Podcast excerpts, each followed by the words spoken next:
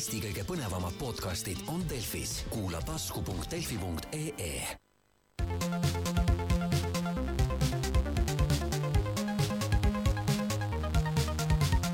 puhataja mäng.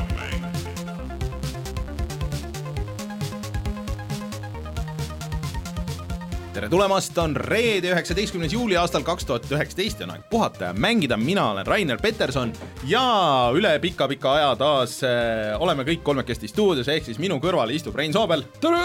ja Martin Mets tere! äh,.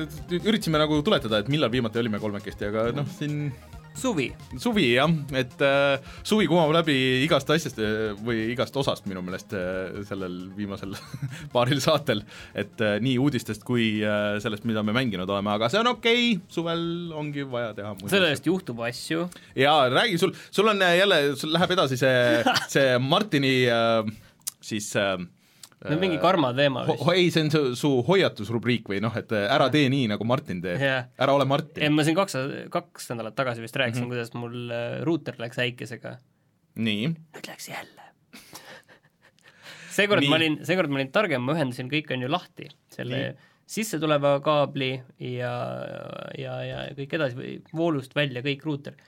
aga ma jätsin sinna sellesamasse karpi, sinna kasti, mis on seina sees mul, selline spetsiaalne kast tehtud ja siis seal mööda vaske lõi, läks jälle sinna karpi selle voolu ja mm. -hmm. siis ega see ruuter vist palju ei taha.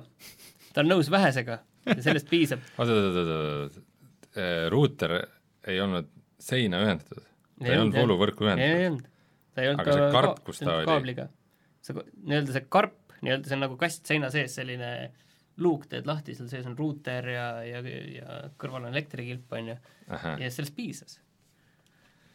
Järgmine kord tean, tuleb välja tõsta padja alla kuskile, panna ära peita see ruuter, et midagi ei juhtuks. aga selles mõttes, et eh, nagu vooluga ei juhtugi midagi, et see, see maige, see laks tuleb sisse kuskilt noh, mööda seda vastkaablit, et tegelikult kilbis on tegelikult ka mingi üle mingi kaitse ja asjad ees, et mingi noh, elektriseadmetega ma-, majas midagi ei juhtu, on ju, aga need kaks korda ühe kuu jooksul ei ole võimalik. ma ei taha sellest rohkem rääkida ka, ausalt öeldes., ma olin samal ajal samas asulas äh, ja siis mingi paar tänavat edasi ja siis äh, meil lõi hoovi, lõi elektri posti otsa ja siis see mis iganes keraamiline isolaator, mis on selle torni otsas, see, see, see valge jaa, need sellised, see siiruviiruline asi, mis on elektritorni otsas, see lendas kildudeks ja tossas seal ja põles.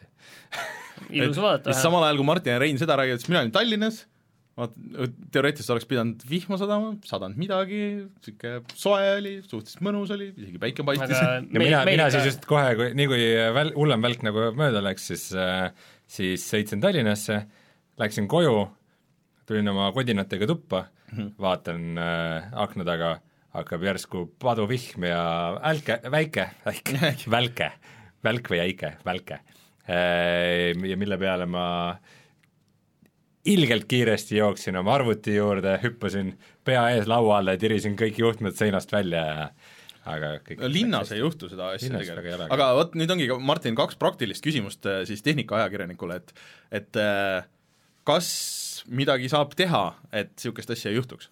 Nagu põhimõtteliselt. sinna vahele saab ka mingeid asju panna sellele kaablile midagi sa- saab, aga ma mõtlesin, uurin, aga ma ei ole isegi jõudnud selleni, et seda uurida. aga no selles mõttes, et kilbis mul on, et see ei tule mööda elektrit, see tuleb mm -hmm. mööda elektrikaableid, vaid see tuleb mööda seda vastkaablit sisse mm. Mhm. okei. et see, mis tuleb jõuab otse sinna äh, ruuterisse. ja siis teine niisugusem praktilisem nagu tagajärgede likvideerimise asi, et kas äh, seda kuskile kindlustuse alla ei anna ei panna? Et sa pead, see, see, see on ikkagi isegi nagu see ei lähe isegi, sest omavastutus tavaliselt on isegi mingi kakssada eurot või midagi sellist, on ju. Mm, ja see ei lähe, ei, me Geeniuses tegime loo ka, see Ahah. ei, enamasti ei lähe. oota, sa oled nüüd kuu aja jooksul kaks uut ruuterit ostnud siis või? no teise jah. super. Et äh, nojah, siis äh, kõigile siis hoiatuseks, et äh, kui elate kuskil äh, linnast väljas, no ilmselt linnas on ka nagu tark tegelikult, et äh, kui tõesti väga niisuguse, niisugune äikeseline on, siis aga tõmmake oma asjad välja stepslist ja, ja siis äh, ei pea ostma kahte ruuterit ühe, ühe kuu jooksul või midagi niisugust hmm.. nii, aga siis ähm, enne kui räägime kõigist nendest asjadest, millest me räägime, siis äh, äh, nagu ikka, saab meid kuulata Delfi taskust äh,, SoundCloudist, Spotify'st äh,, igalt poolt äh, sealt ja tellida iTunesist ja nii edasi. Ja siis äh, meid saab toetada Patreonis, patreon.com, kaldkriips puhata ja mangida, äh, kus äh, ma tegin väikse posti ja, ja siis natuke selgitasin asju, et ma olen suhteliselt vilets videote ülespanija, olin seal vahepeal nende introde, aga me nüüd äh, koostöös äh, Martin Kauberiga meie Discordis nagu lahendasime natuke ära selle probleemi, et miks need videod sinna Patreoni vahest jõudsid. Nii hilja, on see, et, et iga kord, kui sa teed sellest saatest, teed koopia, siis see renderdab ja siis, kui sa trimmid seda, siis see renderdab ja see vahest, teades Youtube'i, siis mingites, äh, mingitel hetkel renderdas nagu isegi mitu päeva seda uut, et kuidagi ei läinud nagu üles ja siis juba tuli järgmine saade peale ja siis noh, ei läinudki nagu üles sinna. aga äh, nüüd lähevad kõik asjad, lähevad eraldi Patreoni playlisti ja sealt äh, playlist'i jõuavad need kõik asjad kohe sinna meie Discordi uudistesse kohe, kui üles jõuavad, nii et äh, enam ei pea sealt Patreoni lehelt otsima, ma ei pea eraldi posti tegema, kuigi ma püüan paremini neid sinna üles panna, aga saab sealt kiiremini, et kes tahab näha kõike seda juttu, mis me siin alguses räägime ja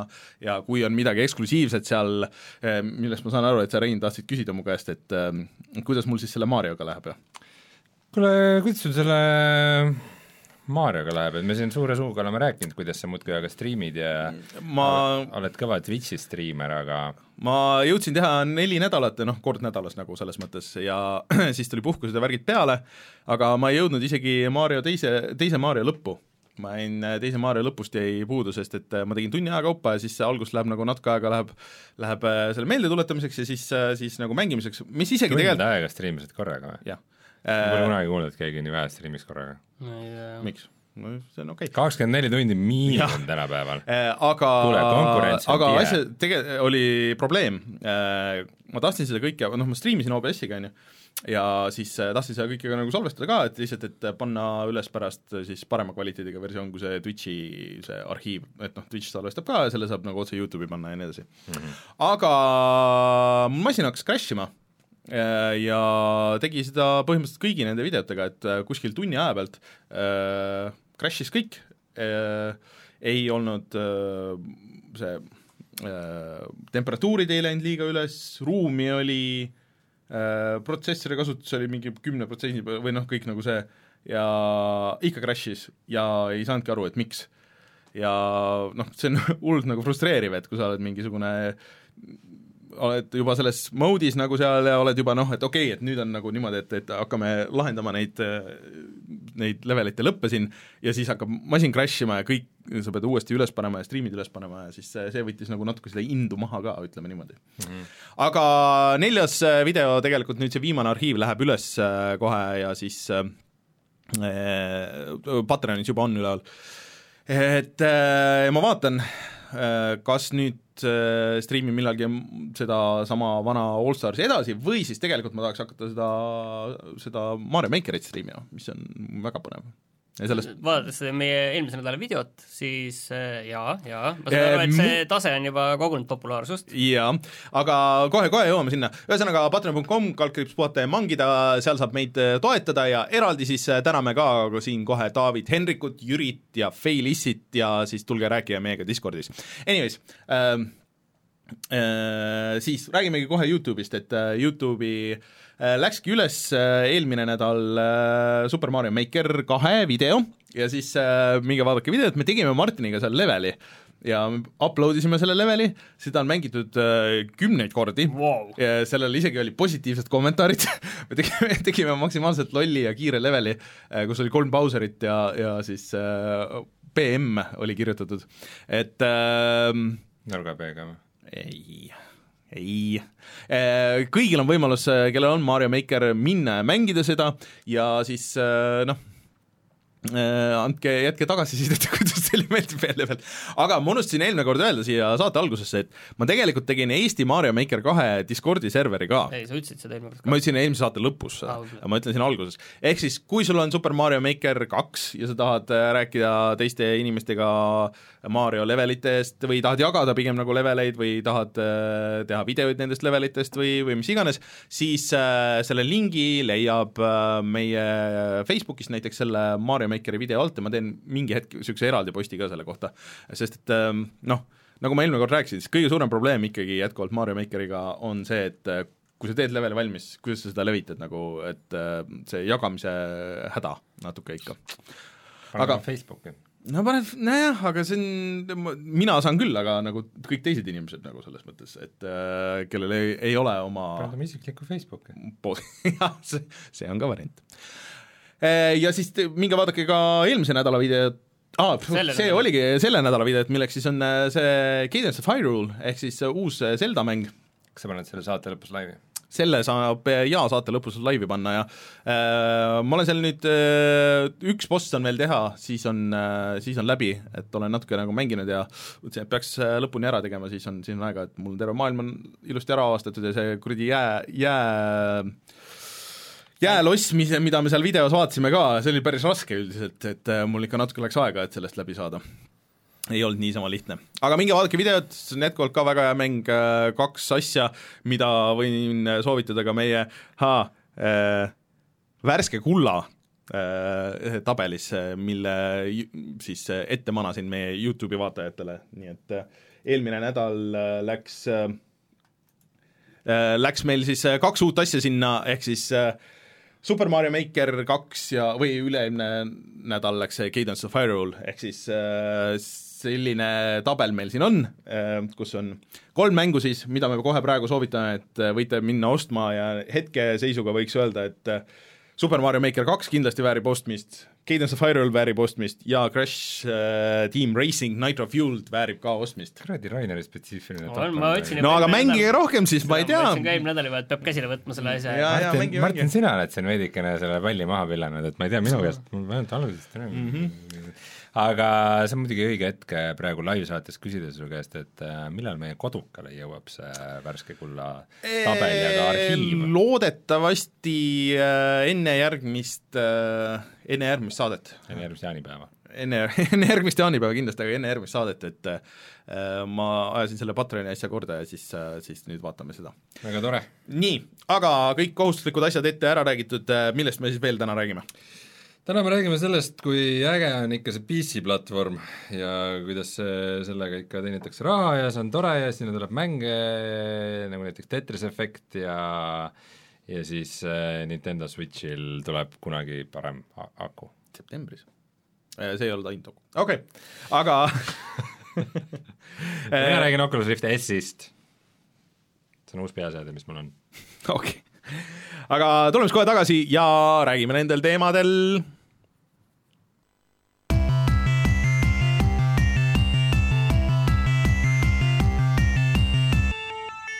uudised. Räägime siis äh, ikkagi PC-st äh, kõige enne, et äh, mm, siin äh, PC või arvuti, personaalarvuti platvormile on nagu aasta algus olnud selles mõttes päris niisugune draamarohke, et äh, kuna see va Epiku mängupood on siin tul-, tulnud ja üritanud Steamile kandadele astuda, aga nüüd on jä- järsku nagu selgunud, et kes on selle kogu asja kõige suurem võitja olnud. et ja tuleb välja, et see on Ubisoft ma mõtlesin, et Epic ikka. sest et äh, Ubisoft suht kiiresti, kui, kui Epic oma mängupoe välja kuulutas, ütlesid, et äh, nemad oma mänge nüüd edaspidi enam, edaspidi enam ei lasegi äh, Steam'i peale ja ongi nüüd siis äh, Epicu poe ja Uplay mm -hmm. eksklusiivid, noh Uplayst sa oled alati saanud ka osta omale äh, nende PC mänge ja ja kes ei tea, siis alati on ka olnud niimoodi, et kui sa Steamist ostad mingi Ubisofti mängu, siis mingi, ma ei tea, mingi Far Cry või Assassin's Creed'i või mis need kõik on, siis alati sa ikkagi pead selle käivitama alguses Steamis ja siis Uplay's, et siis sul avaneb Uplay mm -hmm. pood või see keskkond, nii et nagu nagu kõigil, kes mängivad äh, mingitki Ubisofti mänge, peab see Uplay olemas olema. ja mis siis ilmselt juhtus nagu peamiselt, on see, et inimesed äh, kes vaatasid, et ahah, Steamis enam neid mänge ei ole, no ma siis lähen ostan Uplayst mm. -hmm. Ja kui nad ost- ostsid Epi- ja ilmselt nad said Epiku käest mingisuguse raha selle eest, et nad oleksid eksklusiivsed äh, mitte Steamis mm. -hmm ja siis, siis nad müüsid äh, enda platvormi rohkem, nad ei pidanud äh, mingisugust mingisugust protsenti andma ära siis Steamile või isegi ka Epicule ja mm, tänu sellele on, on nüüd esimest korda, ma ei tea, kui pika üle kui pika aja olukord, kus äh, PC on nüüd esimeses kvartalis Ubisofti kõige kõige rohkem kasumit toov äh, platvorm. ma viskan siia need protsendid ka peale, et PC protsent siis uh, Ubisofti rahavoogudest on kolmkümmend neli protsenti, äh, PlayStation neli on teisel kohal kolmekümne ühe protsendiga, Xbox One kaheksateist, mobiilid seitse ja Switch viis. et eelmine aasta oli PlayStation neli kolmkümmend kaheksa protsenti ja PC tõusis siis teiseks alles. aga siin natuke ilmselt mängib rolli ka see ka, et mis need viimased uh, Ubisofti vaata mängud on olnud mm -hmm. ja peamiselt see on Division ei ole ikkagi, see on ikkagi Anno, Anno on väga palju tootnud just, sest Anno on ka PC eksklusiiv. Mhm. ja Rainbow Six Siege kindlasti teeb ah, kõvasti käivet seal. kuigi ta teeb ilmselt käivet kõikidel platvormidel. no ikkagi PC on ikkagi põhiline, see on ikkagi, noh, ta töötab mujal ka, ei, ta töötab mujal ka, aga noh, ta on ikkagi arvutimäng mm -hmm. põhimõtteliselt, see on umbes sama nagu Counter Strike tuli kunagi ja ka vana Xbox One'i peale, või selle Xbox'i mm -hmm. peale, on ju. et ta on ikkagi oma olemuselt PC mäng, on ju mm, -hmm. see Rainbow Six. et, äh, et tegelikult on Ubisoftil väga, väga suure PC laine peal mm. -hmm. no see natukene tuleneb, olgem ausad, ka sellest, et, äh, et see on ikkagi aasta algus, kus ei ole mingeid suuri Assassin's Creed'e ja ja muid niisuguseid nagu peavoolu äh, cross-platvorm mänge, et, äh, et, et pigem ongi, aga noh, väga suur osa sellel on siis ka selle, sellel lähenemisel, mis Ubisofti jaoks viimastel aastatel on väga palju hästi töötanud, et need mängud on ikkagi nagu teenused mm., et et põhimõtteliselt nii For Honorit kui Rainbow Sixit kui mingid mängud veel, millel just äh, mis nagu on väga pikk saba taga, et see ei ole ainult see, et see on nagu launch'i nädal ja kas siis müüs hästi või mitte, vaid et vaid et nad pidevalt lasevad uut content'i juurde, nad parandavad neid mänge, nad te-, teevad seal mingisuguseid eraldi event'e ja ikkagi selle uutmoodi lähenemise on Ubisoft täiesti omaks võtnud ja see toimib nendega aga kas see, kas me jõuasid selleni, et see mäng kui teenus töötab kõige paremini PC peal, et mitte nagu konsooli peal? mine tea, ma arvan, et noh, vaata need Destiny'd ja asjad äh, töötasid küll ju tegelikult. töötavad ilmselt igal pool, jah. aga Destiny mudel on nagu natuke teine ka ikkagi mõnes mõttes.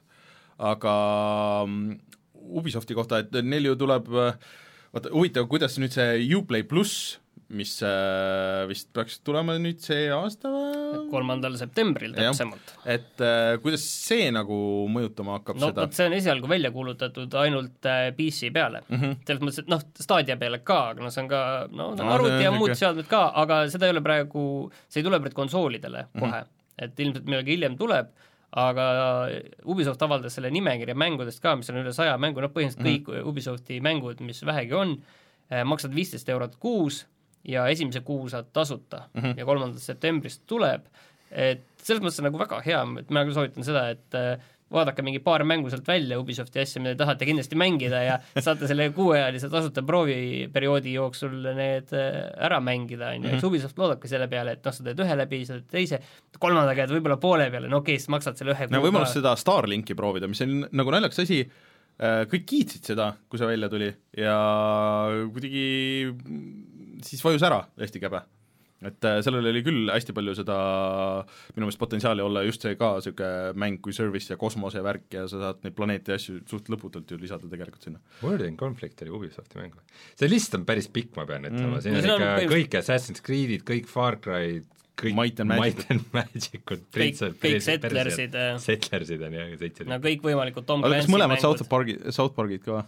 No siin peaks olema kõik see ei, üks South Park miskipärast ainult uuemat South Parki jah, Fractured Butthole'i ei ole. Hmm.. väga huvitav. Mm..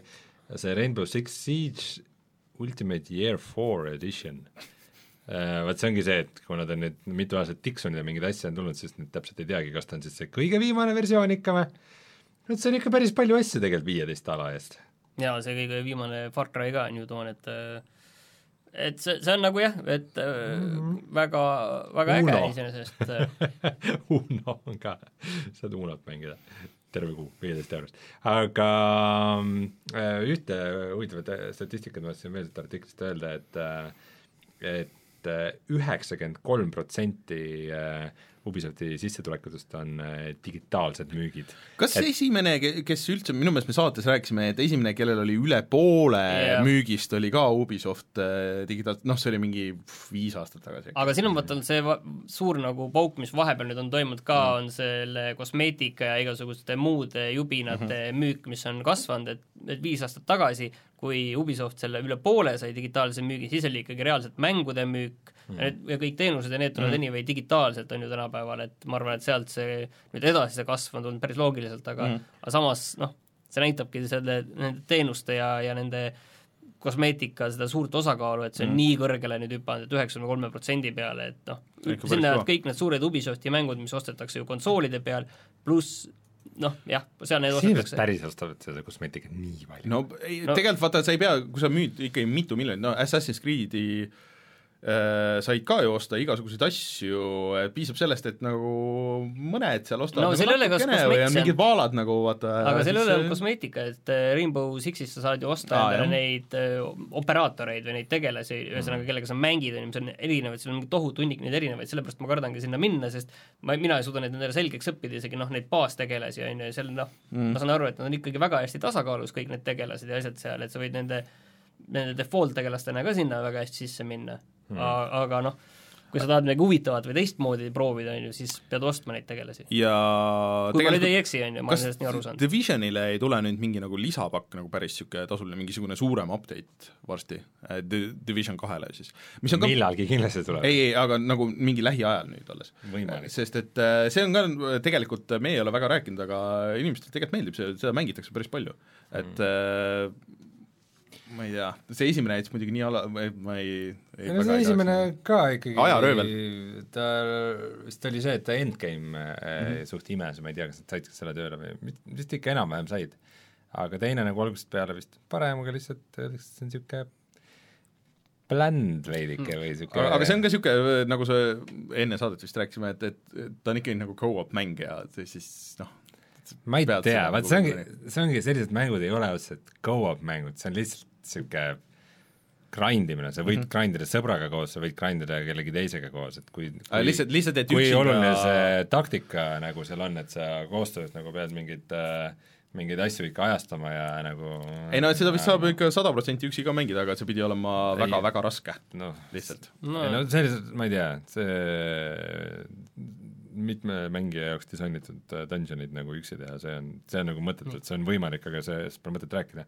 küll aga see üheksakümmend kolm protsenti, isegi kui sinna on sisse arvatud siis ka äh, kõik nagu mikromaksed ja, ja kosmeetika ja mis iganes asjad, siis põhimõtteliselt äh, see sõnum, mis ma sellest numbrist saan, on see, et äh, kui keegi räägib mingitest füüsiliste mängude edetabelitest, aastal kaks tuhat üheksateist, siis see info tänapäeval pole ikka mitte midagi väärt, et äh, no ta midagi, midagi nagu, midagi aga... näitab, aga küsimus on jah, et rohkem, et mida täpselt ta näitab, on ju. jah, aga see on ikka nagu väga, väga nagu väga teine maailm või et see, see, see on ikka väga väheoluline nagu see, mis need füüsilised äh, näitajad on. aga zoom ime nüüd korra välja, et Ubisoftil läheb äh, PC-mängudega väga hästi, kas mm -hmm siit saab nagu mingeid suuremaid järeldusi teha ka laiemalt selle mängutööstuse kohta? no kindlasti saab ja, ja nagu tulles korraks tagasi Ubi juurde, siis uh, Ubisoft ju, mis see, viis või mitu aastat tagasi oli, kui nad äh, said kuulsaks selle lausega, et nagu PC on üldse nagu mõttetu platvorm. kas see, võib-olla see oli Electronic Arts ei olnud või? ei, see oli, see oli kindlasti üks äh, Ubi inimene,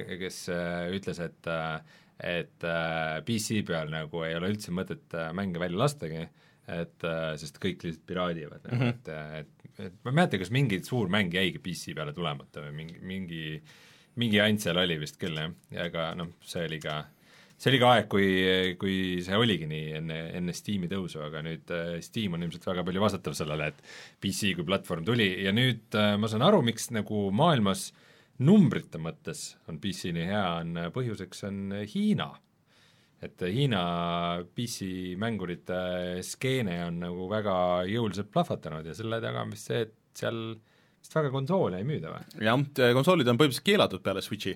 noh, eks ikka on tegelikult seda musta turgu on seal ka või noh, niisugust halli turgu, et ega nad noh, sind vangi ei panda selle eest, aga nagu keegi ametlikult äh, nagu PlayStationit maale ei too ja, ja Xbox ja need on kallid ka mm. -hmm. Äh, pluss, et noh, kuidas sa mänge saada, siis sa pead seal, seal on ju internet on kinni ja sa ei saa ligi nendele põhiasjadele, noh, siis kõik kasutavadki seda, seda Tencenti, seda enda mingisugust platvormi, et Tencent on seal see kõige suurem, sest Steam ka ei tööta minu teada. ei tohiks olla, jah. et äh, või Epic või, Epic kusjuures võib-olla neil on, kuna Tencent on üks omanikke, siis mm -hmm. on väga suur potentsiaal, aga minu meelest on niipidi, et Epicu asjad on seal Tencendi poes äh, mingi... see on, see Tencent on selles mõttes huvitav asi, et see Tencenti launcher ja kõik see pood ju tuli läände nüüd ka vahepeal mm, -hmm. mõned kuud tagasi ta ei ole, see ei ole nagu erilisi laineid löönud, kus Tencent kusjuures on üks äh, Ubisofti äh, osanikke. on, no ta on osanik kõiges ju. ja Epicus ka, et äh, Epic, Epicus ja selles Epicust oli mingi nelikümmend seitse protsenti või mingi väga suur protsent. jaa, Ubisoftis peaks vist vähem olema, ma peast ei mäleta.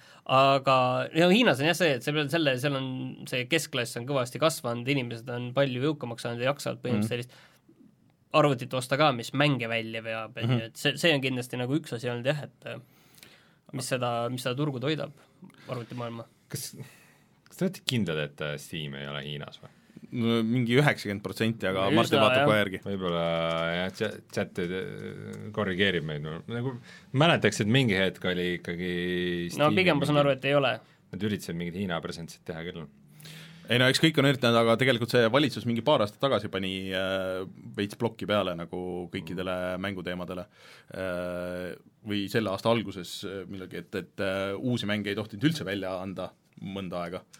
et aga see vist oli väidetavalt selleks, et pidurdada niisugust kloonimajandust mm, -hmm. mida tuli hästi palju Hiinast, et äh, noh, võeti mingi mäng ja siis tehti mingi reskin versioon või sarnase nimega ja nii edasi, aga et, et välja suretada konkreetselt need stuudiod, sest et äh, minu meelest Tencent on, osaliselt kuulub ka Hiina valitsusele või see, et noh, neile nagu no seal on seal nagu mõnes kohas piiri tõmmata. mingid, mingid väga nagu niisugused seosed olid, et äh, kuskil ma lugesin mingit artiklit nagu pikalt, kus äh, seletati, et miks äh, miks Tencent nagu tahab teha neid niisuguseid asju ja miks nad niisuguseid liigutusi teevad ja et mis need tagamaad on mm. -hmm. aga et äh, jah.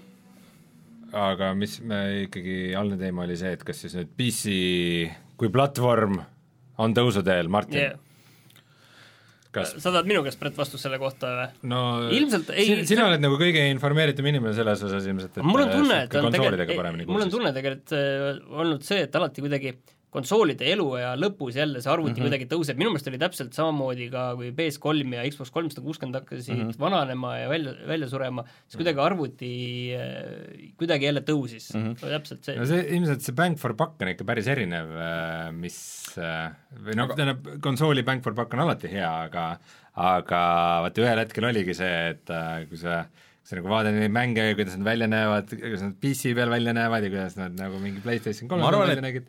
see twist on ka, et äh, tänapäeval vaata läpakad on suhteliselt võimsad mm -hmm. ja sa saad läpaka peal äh, noh, väga okeilt nagu võrreldes konsooliga või mis iganes, mingi suurem osa mänge nagu ära jooksutada, et ma kahtlustan siiski, nii vähe, kui see, Rein, sulle võib-olla meeldib, et see vaata niisugune, niisugune mänguri arvutikast, vaata, et see võib-olla küll ei ole nagu niisugune asi, mis äh, tõusuteel nüüd nii väga on. mina on, ei ole nagu kindel, et see nagu, ma, ma arvan ka, et see on nagu endiselt ikkagi väga teema mm -hmm. tegelikult. jah, ja see PC Gamer tegi millalgi artikli sellest, et kuidas äh, Hiinas just on ka see mm -hmm just niisugune nagu arvutite iseehitamine ja niisugune case mode'id ja niisugune, niisugune skeene on nagu ikka nagu jõhkralt tõusnud viimaste okay. aastatega, et see on nagu ei, ei, ei kusagilt järsku mm -hmm. välja ilmunud. et, äh, et see on äh, päris mõjukas teema, aga noh, olles ise nii, nii läpaka kui ka mm, lauaarvutimängur, siis eks mõlemal on omad head ja vead. pean ütlema, et isegi kaks tuhat üheksateist aastal tegelikult äh, see on miski, mida ilmselt nagu, mis võiks, võib tulla paljudele üllatusena, kellel endal pole mänguriläpakat olnud, aga mänguriläpakatega ikka on probleeme nagu. see ikka päris nii ei ole, et mitu korda sul garantiis see on käinud? Äh, kaks korda on emaplaat välja vahetatud mm., aga igasugused, äh, igasugused mingid lambi asjad, mis lihtsalt äh, mis töötavad äh, arvuti peal, nagu lauaarvuti peal normaalselt ja mis äh, mis läpaka peal ei tööta, et neid ikka juhtub ja mingit mm -hmm. jama on ja ikka mingid kuradi driveri konfliktid ja kuskil mingi jama, seda on kõvasti vähem kui umbes kümme aastat tagasi kindlasti, aga, aga ikka päris ära need ei ole kadunud, et ikka niisugust janti ikka saab ka mm. kahjuks veel. korra vaatasin sinna Tencenti poodi ka, V-Game X, et seal väga vähe mänge alguses tuli, nii-öelda läände, mis seal on ja praegu vaatasin ka, seal on äh, paarkümmend mängu tundus olema, mis seal mm -hmm. praegu et väga veider, et nad ei ole laiemaks seda tõmmanud. Uh, huvitav, kas sellega võib olla näiteks see, et noh, nad uh, võimaldavad uh, seda, et kui sa reisid, oled hiinlane, reisid ringi, et siis sa saad nagu ligi vähemalt osadele asjadele? no võib-olla see jah, aga see, ei, see on mõeldud ikkagi läänes müümiseks. Aa, läänes müümiseks, jaa, jaa, selles mõttes, see okay., seal ongi ilmselt eraldi valik on nagu või, või kui sa tahad oma Hiina sõbraga koos mängida, äkki see võimaldab? Seda ma ei tea. ka see on huvitav teema tegelikult. chatis muidu Tom Moot tõstatas hea teema, et äh, ju on ju olnud mingeid äh, miniskandaale, kuidas äh, hiinlased on review pomminud äh, seal Steamis mingeid Shadow of the Tomb Raiderit ja Pupkil on ju väga palju Hiina mängijaid, kes väga palju häkkereid ja mina ei usu seda juttu, et Steam ei ole Hiinas, ma ei tea. No vaatame järgmiseks saateks, vaatame järgi, mulle. vaatame järgi, aga ma olen ikkagi üheksakümmend protsenti kindel, et, et, et see ei tööta seal. et seal, pärast ma leian, kuidas nad seda, kuidas nad Pupki mängivad siis, kui mitte läbi Steam'i? Äh, Tencent on ka Pupki omanik osaliselt ju. aga ja see on seal, selles nende poes on, need Hiina serverid on küll, jah. ma ei usu sind. okei. Ühesõnaga PC forever, PC is live, kuni kaks tuhat kakskümmend lõpuni, kui tulevad uued konsoolid ja siis ostuvad kõik need. ma praegu loen, et Steam ei peaks olema nagu Hiinas jah kättesaadav, aga seal, eks seal VPN-itakse ja kuidagi sinna jõutakse ja ja et, Või trollivabrikud. et see, ei ole päris amet-, ei, see ei ole nagu päris ametlikult ikkagi, ma saan aru, et ei, ei ole Hiinas, aga eks seal hiinlased mingil määral kasutavad seda ja jõud- jõudsin ka sellise numbrini, et Hiinas on üle kolmesaja miljoni mänguri, PC-mänguri, okei okay., päris kõva number. konteksti panda nii okei okay,, aga nüüd siis, kui me oleme rääkinud sellest, et PC on ikka kõige parem siis räägime sellest äh, noh, ütleme sellest teiseks, teiseks parimast äh, platvormist sa mõtled või? ütleme siis äh, siis räägime siis sellest kõige odavamast ja põhimõtteliselt lastele mõeldud platvormist jaa, jaa, muidugi. okei okay,, räägi, räägi siis, mis värk selle Switchiga on, et eelmine nädal äh, te rääkisite sellest, et äh, siis sügisel, septembris tuleb see äh, Nintendo Switchi vapustav versioon, mis siis Switchi mm -hmm. ehk siis mis on ainult äh, käeskantav mm -hmm. Nintendo Switch Lite mm -hmm. ja nüüd tuli uudis, et äh, et äh, tavaswitchile tuleb suurem aku, et äh, kas see on siis mm. nüüd see Pro versioon või mis ei, toimub? see ei ole kindlasti see Pro versioon ja kui ma õigesti aru sain nüüd nendest osast asjadest, et, et see ei ole ainult nagu see aku, et see on ka see, et sinna tuleb uus protsessor mm. -hmm. et äh, seda nad ametlikult ei kinnitanud, aga et see on mitu korda lekkinud erinevatesse, et see on sellest Tegrast äh, uuem versioon äh,, mis on küll nagu natuke võimsam, aga ta on rohkem, on ta voolusäästlik. jah, ja ta on voolusäästlikum, et see aku ähm, noh, lisa võib tulla sealt, ehk siis äh, peaks võtma selle tabeli ette siia, ma vaatasin, ta oli isegi mingi mitte päris kaks korda mm -hmm. kauem kestev aku, aga nagu peaaegu no selles mõttes kauem. võib see ikkagi, ütleme praegustele Switchi omanikele võib see päris hea tüng mõnes mõttes olla, et no nendele saad- kes just ostsid näiteks. no just ostsid, kui sul on jah kaks aastat olnud, siis, siis pole nagu et- vahet.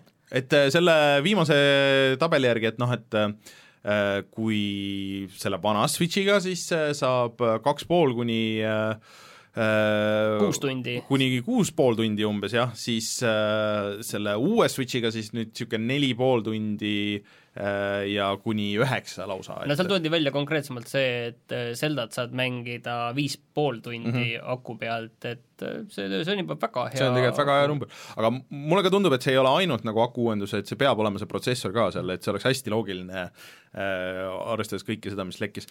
miks nad siis juba uut versiooni välja ei lasknud, miks Eee, aga no, vaata, see on, see on selles mõttes, ega nad seda välja ei kuuluta väga. ja muidugi nad tahavad oma selle, need vanad nagu mudelid tahavad ära müüa. ja siin me nagu jõuame väga praktilise soovituseni, et lähima kahe kuu jooksul ära mitte mingil juhul Switchi osta Ja- sellepärast, et ilmselt see uus tuleb äh, sama äh, hinnaga mm, -hmm. see, aga point on see, et see tuleb sama pakend, ta näeb välja muidu samasugune, visuaalselt see seal vist välja... isegi see seerianumber väidetavalt ei, ei, äh, seerianumber peaks ikka erinev olema, et selle järgi sa saad aru just, et see on mm. -hmm. uus, et äh, kui see kakskümmend september või umbes siis tuleb äh, poodi, siis oota nii kaua ja osta siis Switch. või teine variant, kui sa tahad odavamat siis ja, ja seda kaasaskantavat, siis osta Lite ja sa saad ikka parema aku mm -hmm. kui praegu, et kaks kuud ära Switchi puutu yeah., ära osta, ära mõtle sellelegi mm. -hmm. ja tegelikult see ei ole esimene kord, kui päris niisugust asja on tehtud, sest et äh, see vaat sellest äh, PlayStation neli Prost oli ka äh, vaata meil on need vanemad versioonid, mis plärisevad hästi palju ja seal oli veel mingisugused errorid, osadel crash'is ja ja mingid niisugused asjad olid vooluse või selleks äh,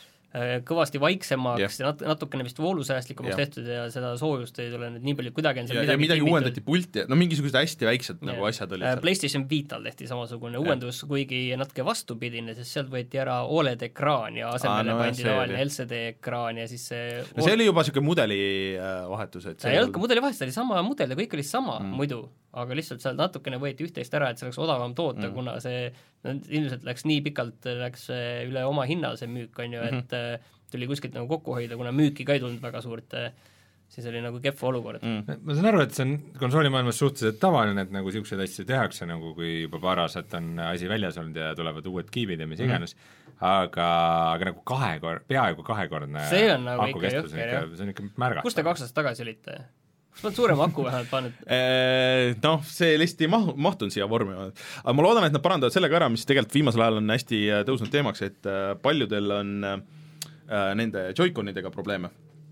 ehk siis, et äh, Joy-Conid driftivad, Joy-Conid, see on see, et äh, kuigi sa midagi ei puutu, kõik on nagu neutraalses asendis, siis mäng registreerib äh, seda justkui, et äh, need liiguvad kuskile poole Äh, ja see on nende lo-, noh, sa saad osta uued Joy-Conid muidugi ja noh, see parandab ära ja nii saad edasi, osta aga uue Switchi ja kõik parandab ära. ei noh, aga, aga ütleme niimoodi, et see on lihtsalt mingisugune tootmisviga, et, et tegelikult Joy-Conidest on ka kaks versiooni, vähemalt juba. Osadel oli alguses selle, ma ei mäleta, kas selle vasakupoolsega või, või ühega igatahes oli probleem, et eh, lihtsalt kaotas ära selle ühenduse mm. -hmm. ja siis mingi hetk nad võtsid mingi jubina sealt seest ära, mis oli mingisugune antenni segaja või midagi niisugust, et et niisuguseid okay. asju on veel juba juhtunud Switchiga. üks, üks, üks random asi, ma ei tea, kas ma olen rääkinud sulle seda, aga ma ostsin omale Switchile millalgi lisapuldid, on ju, et saaks neljakesi mängida Overclocked'i.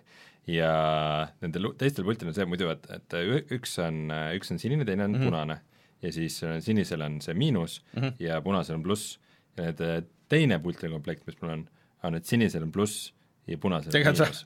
jah, okei nagu saab vastupidi. vähemalt väga hästi saab, võib-olla see on meelega tehtud, et kas on eraldi puldikomplekt, et siis ongi, et sa teaksid, mis on mis. see toimib mul väga hästi, aga see sinine pluss ja sinine miinus, et aga põhimõtteliselt ma saaks niimoodi panna siis, et nagu kahel pool oleks sinine või?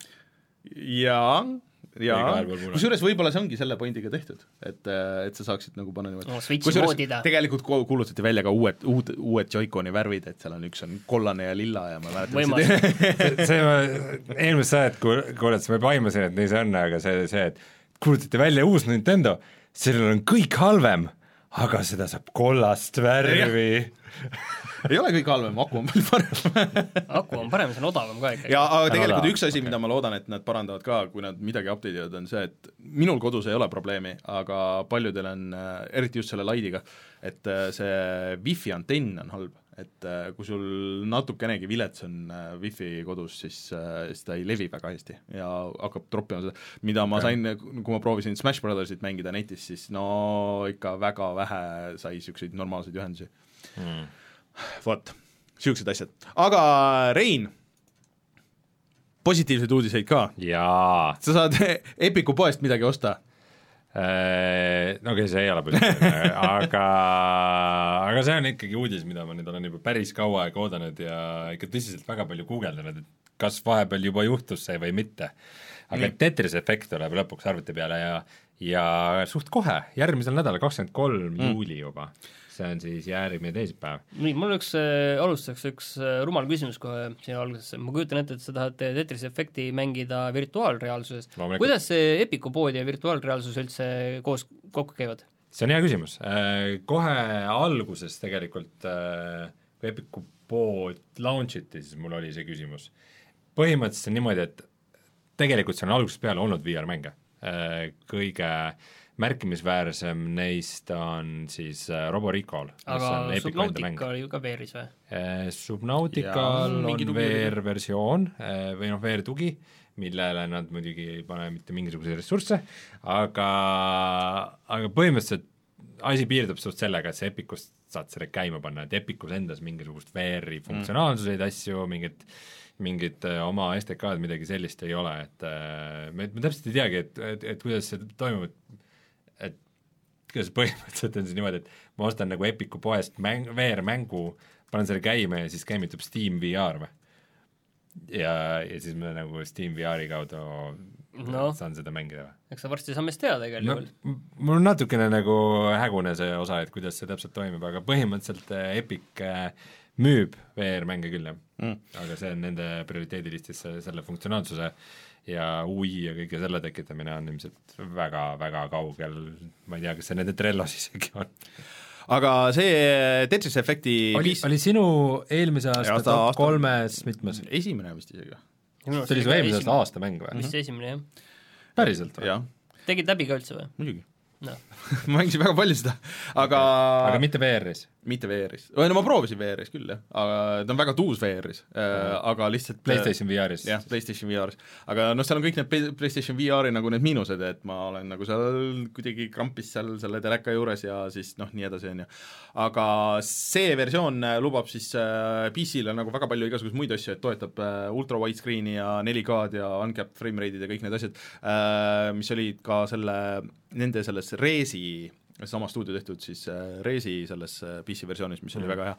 et äh, väga tuus, aga kui mäletate, siis see maksis nelikümmend eurot ja see tundus väga palju Tetrise mängu eest äh, originaalis, et äh, ta vist arvutil, ma ei tea, kas ta alguses saab no ma arvan, et natuke odavam, siin on need kakskümmend protsenti alla, aga aga ma ei tea, mis see, mis see täishind nagu tal saab olema no..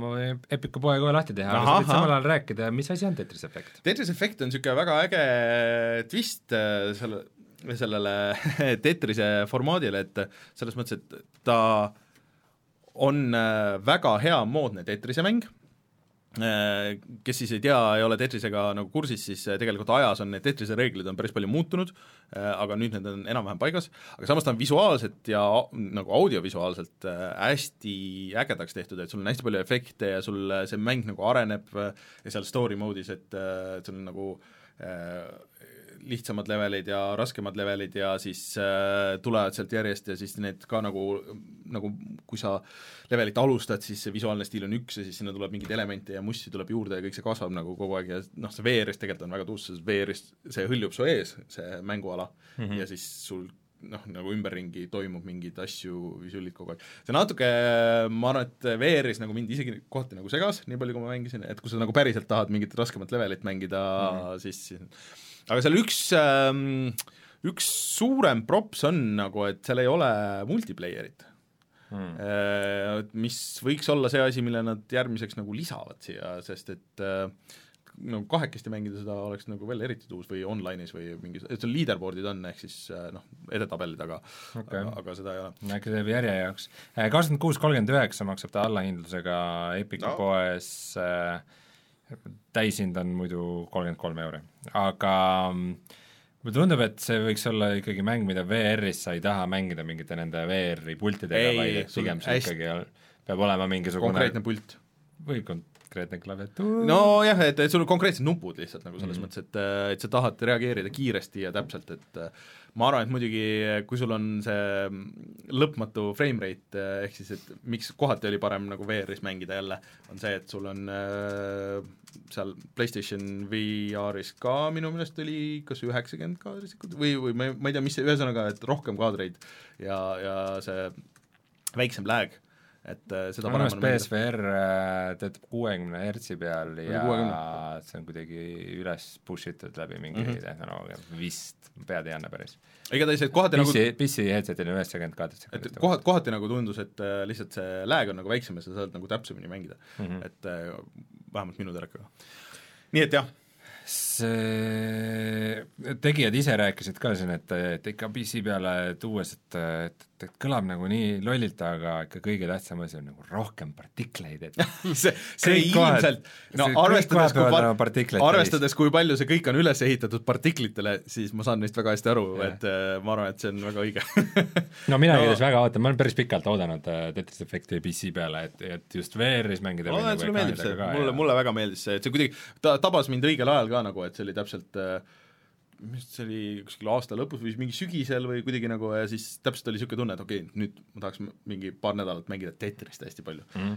ma olen viimasel ajal veidikene edasi lükanud igasuguste VR-mängude mängimist, et oodata oma uut peaseadet, Oculus Rift S-i. Mm, mis on mul nüüd käes, aga sellest ma täna veel räägin äh,. Igatahes, Tetris Effect äh, järgmine nädal siis PC peal saadaval, aga Luigi's Mansion äh, kolm äh, on siis ka nüüd teada, millal ta välja tuleb? jaa äh,, Halloweenil äh, ehk siis äh, äh, kolmkümmend üks oktoober, jäin mõtlema, kas Halloween on kolmkümmend või kolmkümmend üks, aga kolmkümmend üks oktoober äh, ja siis see tuleb Switchi peale ootan huviga, tundub tuus äh,, mulle see teine osa meeldis. seleta kahe lausega, et mis see üldse nagu on. no see on tegelikult niisugune nagu puslemäng rohkem, et äh, sa mängid Luigina ja siis sa lähed äh,, sa kogud äh, kummitusi mõisamajas, mõis, mõisamajas põhimõtteliselt äh, siis äh, noh, seal on äh, kummitused on valla ja, ja siis sa pead kõik need üles püüdma öö, või kinni püüdma, aga et üldiselt see käibki nagu läbi mõistatuste lahendamise, et okei okay,, et seal on nüüd see kummitus, et okei okay,, mida ma pean tegema, et see kätte saada, et ma arvan, et Martin, sulle võib-olla võiks meeldida see, et äh,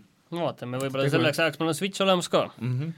oota, tegu on siis horror-mänguga? jah, väga, jah äh, aga Survival aga Luigi ise põhimõtteliselt, mõisamajas, nagu Resident Evil, noh. äh, Luigi ise pigem on, nagu Outlast Outlast Mario või võtmes. see Layers of Fear. Äh, Luigi ise on väga hästi tehtud seal, et miks see esimene mäng oli hästi nagu kõigile jäi meelde, esiteks see oli GameCube'i launch'i mäng vist, ja siis et kuidas ta seal käitus, et umbes, et mingi juhuslikel kohtadel vaata vilistab kaasa muusikaga ja, ja siis, ja siis noh, näeb mingisugust asja kuskil ja siis ehmub ja reageerib selle peale, et noh, niisuguseid väikseid touch'e nagu ei olnud enne tehtud mängudes.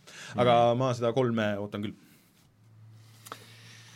okei okay., aga mis asi on RetroArch? nüüd, nüüd algab minu väike retronurk, mille ma panin siia järjest äh, kolm uudist. on sul mingi taustamuusika selle või peaks tegema mingi kaheksa, kaheksa bitti, nagu meil aga- kunagi oli, kes ei mäleta, meil seitse aastat tagasi oli retronurk saate. aga tulista kiirelt, mis Äh, on? RetroArch on äh, tegelikult äh, see põhi äh, emu-, emulaatori platvorm äh,, mida näiteks äh, noh, kasutatakse seal Raspberry peal, aga mm. sa võid seda kasutada ka arvuti peal.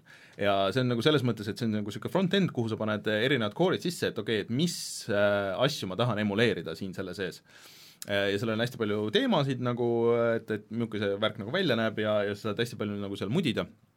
aga ta on nagu suhteliselt raske asi üles panna ja uuendada ja nii edasi, on ju, et noh, niisugune vabavara värk ja niisugune mis mulle sellest kasu on, seleta sul on kasu, kasu on see, et äh, nüüd, kui see on sul Steamis, sa paned selle Steamis tööle, sa paned seal emulaatorid, mida sa tahad, sa tahad mängida Super Nintendo asju äh,, Nintendo asju See ei kõla nagu. PlayStation see ei ole üldse legaalselt. kui sa oled ise need mängud rippinud, on ju, siis sul on see võimalus teha, ma kohe jõuan sinna ka äh,. Ja siis äh, praegu see on nagu võrdne selle, selle eraldiseisva reliisiga, aga et sinna tuleb hiljem ka Steamworksi tugi, mis on tuus, et ehk siis mis äh, võib võimaldada äh, neid äh, cloud save, kõiki mingeid niisuguseid asju, mida praegu nagu nende emulaatoritega on nagu natuke raske teha või mingisugust striimimisi kas see kõiki kuidagi sellisel äh, hallil alal seepärast asi nagu ei liigu, et tead, tänapäeval on niimoodi, et see on Steam, ma saan aru, lihtsalt No natuke. vahendab emulaatorit kui platvormi ja see, mis sa sinna sisse paned, see on nagu su enda valik ja Äh, jah, see, see on kõik legaalne, et ja paljud äh, ka need emulaatori core'id on tegelikult legaalsed, need ei kasuta nagu neid päris äh, ripitud BIOSeid, et tüübid on ise nullist kirjutanud need BIOSed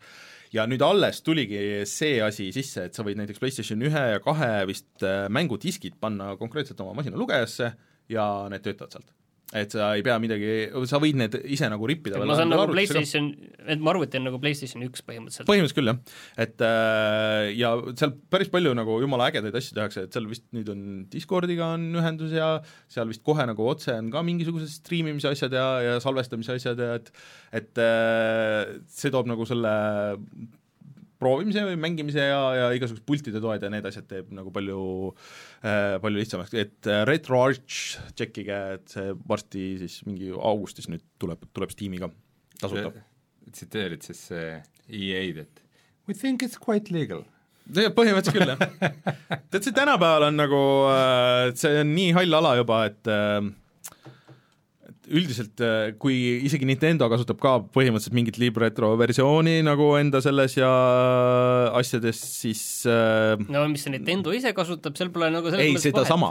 ei no jaa, Ja aga mingit Nintendol pole vahet, need on Nintendo asjad, mida nad seal panevad, nemad ei No pane seal kellegi teise Ei, asju aga- käima. see on, kus sa need äh, teised asjad saad, see on juba sinu asi. nii, aga ma Very saan, legal and very cool. nii, aga ma saan aru, et Bombermani saab mängida varsti. Bombermani?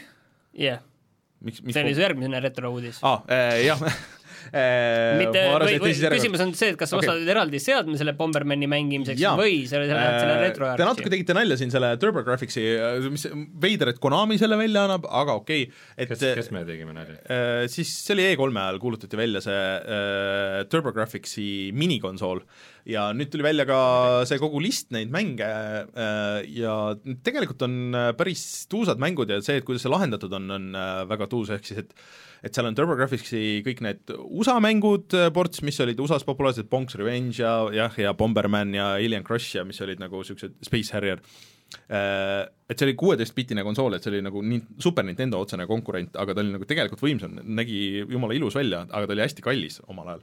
Ja kallis on ka see tegelikult, maksab üheksakümmend eurot Äh, jah aga et seal on ka ilge ports äh, lihtsalt neid Jaapani mänge, mida ametlikult nagu kunagi USA-s välja ei tulnudki ja need on konkreetselt need äh, Jaapani versioonid.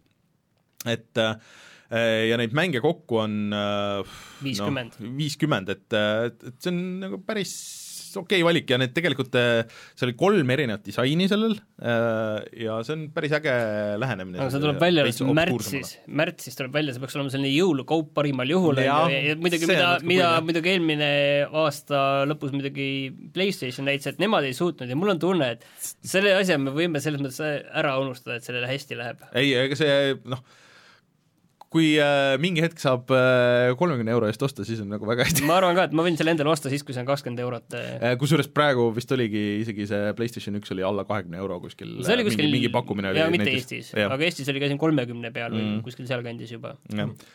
et äh, aga see on uus, lihtsalt see on äge valik mänge, vot see, mulle mõnes mõttes meeldib see, et seal on nagu need niisugused obskuursemad asjad, et äh, lihtsalt niisuguse arhiivi või niisuguse lõbusa mängimise võtmes. ja seal on Joe Aniki, mis on nagu väga-väga veider asi mis see kolmas uudis on?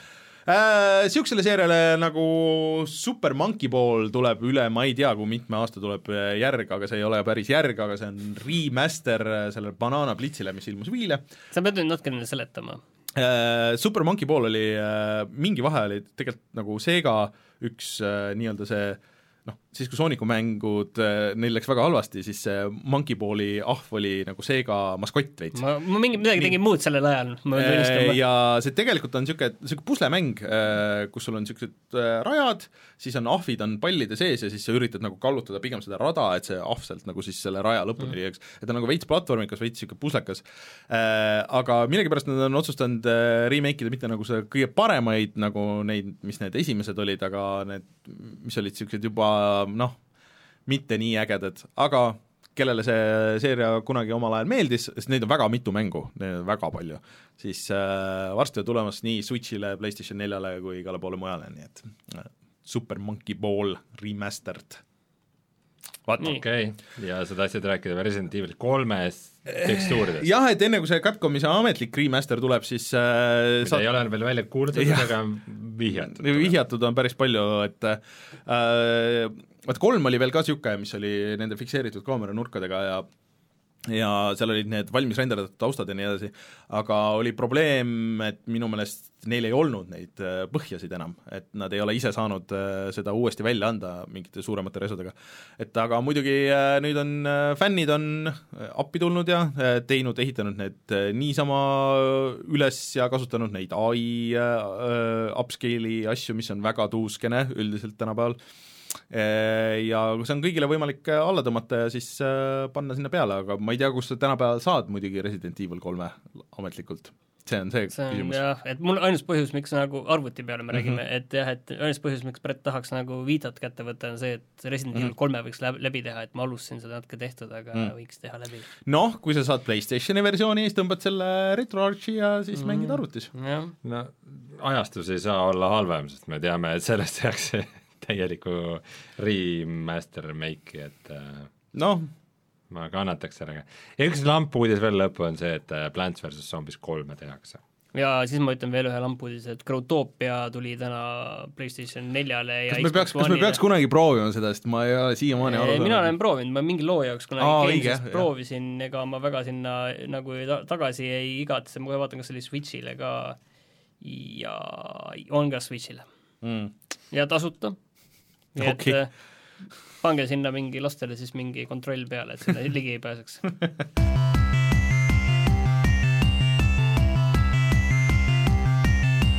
räägime Reinuga, kuna Reinu ei olnud äh, eelmine nädal. ja Reinul on uus masin. kas sul on uus masin, et räägi sellest uuest masinast siis nüüd. mul on uus Oculus Rift.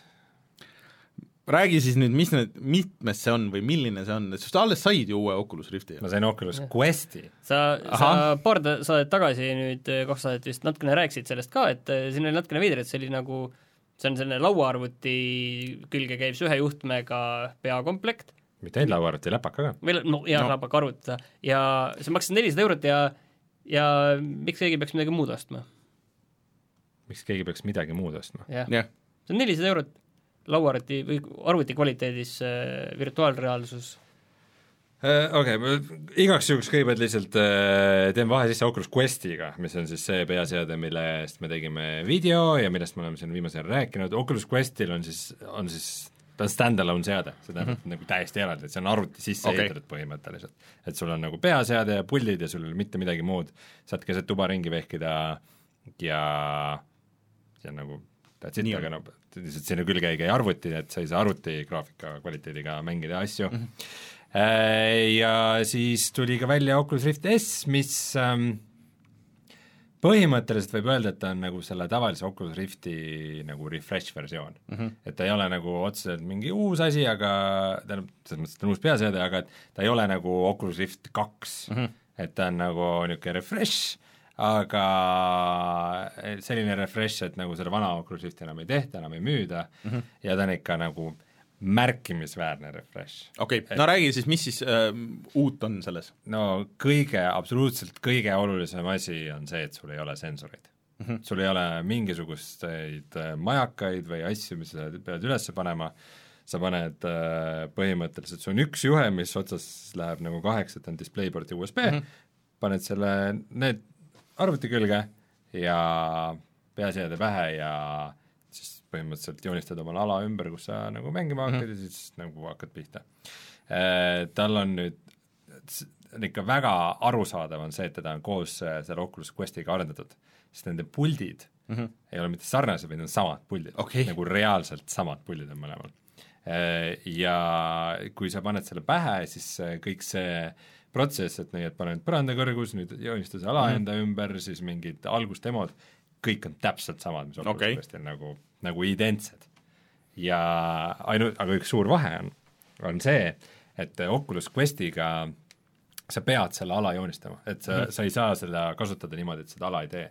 ja mind hullult alati häirib see, see min- minu meelest on väga nagu, võtab mind mängust välja, kui kogu aeg mingisugused trellid sulle vastu jalutavad mm, -hmm. nii kui sa veidikenegi liigud, mida sa teed virtuaalreaalsuses paratamatult, siis äh, põhimõtteliselt selle äh, Questi äh, Oculus S-iga saab ka teha seda, et sa ei panegi mingeid neid piire, et äh, noh, ta eeldab, et sa oled niikuinii juhtmega arvuti küljes, et sa mingi rongi alla ilmselt ei kõnni või midagi, et äh, päris nii hulluks ei saa asi ilmselt minna.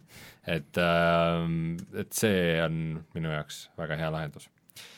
Aga nüüd, kui ma selle peaseadme pähe panin, siis ma pean ütlema, et äh, ma ei ole varem näinud nagu nii ilusa pildiga VR-i okei nagu, aga mis, mis on selles mõttes, on sürr, et äh, tegelikult mul on ka Vive Pro ja mul on isegi äh, ühe projekti jaoks ma tegin nagu peaseadmete võrdluse, et äh, äh, tegelikult Vive Pro reso on kõrgem mm. -hmm. Vive Pro reso on tuhat nelisada nelikümmend korda tuhat kuussada silma kohta ja Oculus Rift S-il on tuhat kakssada kaheksakümmend korda tuhat nelisada nelikümmend. et ma just mõtlen, et kas sellega ei olnud mingi väike draama, et kui see välja kuulutati, et, et oi, et sellel ei ole Oled ekraane, et sellel on LCD ekraan ja et sellel ei ole hertse nii palju kui teistel ja, ja see on üks veider teema ja et kui, vaata enne me isegi mainisime seda, et võrdluses äh, nagu tähendab, et, et arvuti peaseadmed on äh, siiamaani kõik olnud üheksakümne hertsi peal, et nii Oculus Rift kui Vive mm, -hmm. Nüüd, kui tuleb Valve Index, siis Valve Indexi see ametlik äh, kaadrisagedus on äh, sada kakskümmend hertsi mm, -hmm. värskendussagedus, aga mingi eksperimentaalselt saab minna ka kõrgemale, mingi saja neljakümne nelja peale, aga sada kakskümmend on nagu see ametlik mm. -hmm. Aga nüüd Oculus Rift S on miskipärast kaheksakümmend, et ta tuli nagu natuke allapoole sealt ja nad ütlesid umbes, et oi, keegi ei märkagi seda, et me oleme seal teinud mingi nii hea mingi temporaalse mingi refresh rate'i mm -hmm. mingid algoritmid nagu siluvad ära selle ja ei, no tõesti ei märka mm. -hmm. nüüd selles mõttes nagu hea töö. aga noh, keegi tahaks seda Valve'i sealt saja kahekümnest ka proovida nagu võrdle, võrdluseks. aga ma arvan, et asi ongi selles, et äh, nagu sina siin oma Vitagagi rääkisid, äh, et, äh, et kõik nagu ütlevad, et oo et Oled on ikka nagu kõva sõna ja LCD ei ole.